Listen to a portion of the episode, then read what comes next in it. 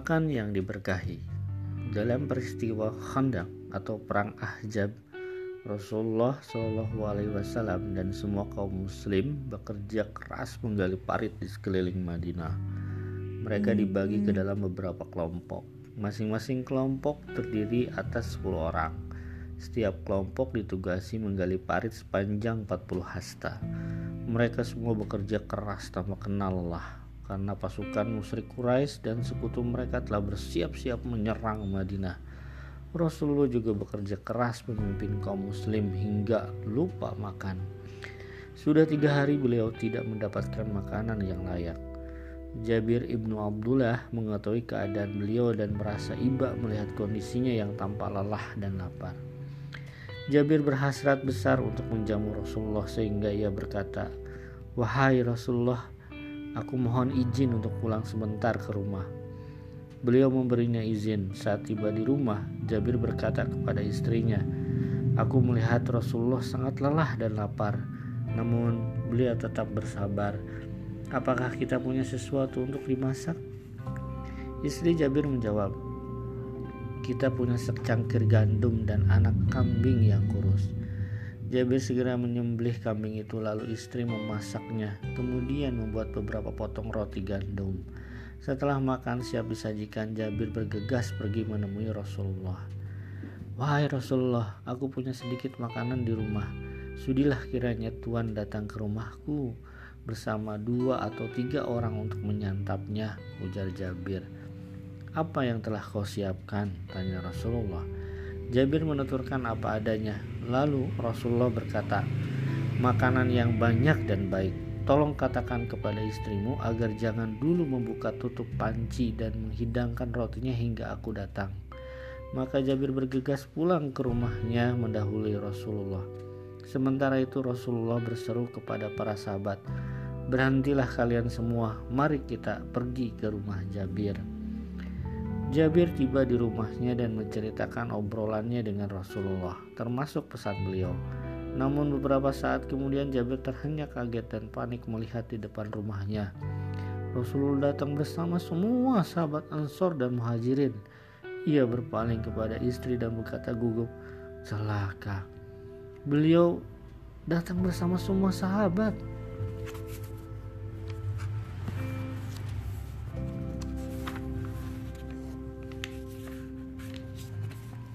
Apakah beliau telah bertanya sebelumnya kepadamu? Tanya istrinya. Ya, sudah, jawab Jabir. Makanya aku terlalu kaget, jawab istri. Maka aku tidak terlalu kaget, jawab istrinya. Jabir mempersilahkan Rasulullah dan para sahabat di rumahnya. Kemudian Rasulullah membuka tutup panci dan mengambil sesendok masakan daging kambing itu dan mengambil sepotong roti. Lalu para sahabat mengikuti, mengikutinya hingga semua orang yang datang ke rumah Jabir bisa makan dengan kenyang. Setelah semua orang makan, Rasulullah menyuruh istri Jabir untuk makan. Ternyata di panci itu masih tersisa masakan Jabir dan istrinya. Begitu pula rotinya. Dalam kesempatan yang berbeda, Jabir mengunjungi rumah ibunya dan ternyata ibunya telah membuatkan makanan. Ia berkata, "Hai Jabir, pergilah kepada Rasulullah dan undang beliau makan."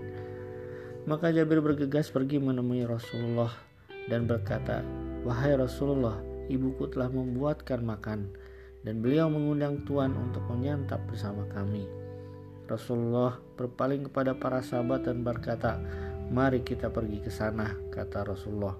Datang diiringi 50 orang sahabat. Jabir sendiri terkejut dan bergegas pergi ke rumah ibunya dan menyampaikan kabar kedatangannya Rasulullah bersama puluhan sahabatnya. Tiba di tujuan Rasulullah dan para sahabatnya duduk di depan pintu. Kemudian beliau berkata, Masuklah kalian sepuluh orang, sepuluh orang. Kemudian mereka semua makan sampai kenyang. Ternyata hidangan hanya sedikit itu masih tersisa meski semua orang telah makan. Suatu hari dalam sebuah ekspedisi bersama pasukan muslim, Rasulullah dan kaum muslimin merasa lapar, sedang perbekalan sudah sangat menipis.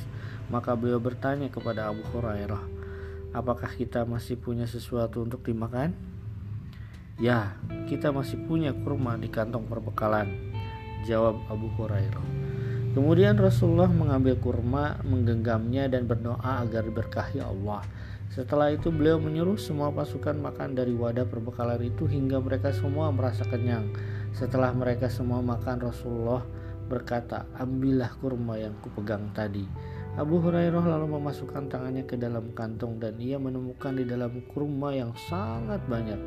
Abu, Hurairah radhiyallahu anhu menuturkan, Aku masih bisa makan kurma dari kantong itu sampai masa Khalifah Utsman radhiyallahu anhu. Ketika Khalifah Utsman terbunuh, kurma itu habis. Subhanallah. Allahu a'lam.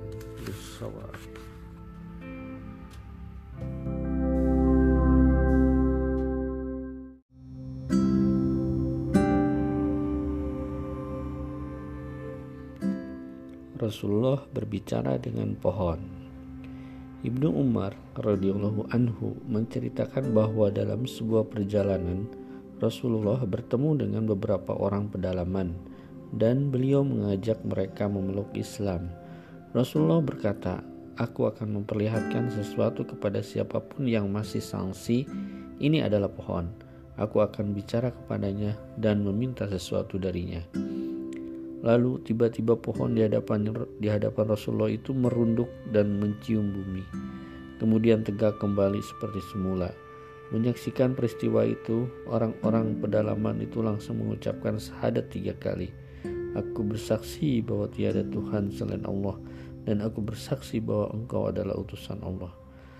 Buraidah al-Aslami menuturkan bahwa seorang Arabi Badui memohon kepada Rasulullah untuk memperlihatkan mujizat dengan memanggil sebatang pohon dan beliau menyanggupinya.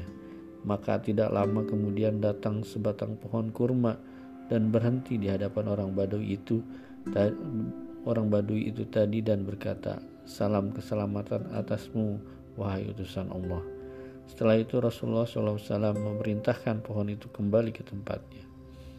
Suatu hari Rasulullah memanggil pohon kurma untuk mendengarkan khutbahnya Ketika Rasulullah naik mimbar dan mulai berbicara, pohon kurma itu bersedih dan menangis terseduh-seduh.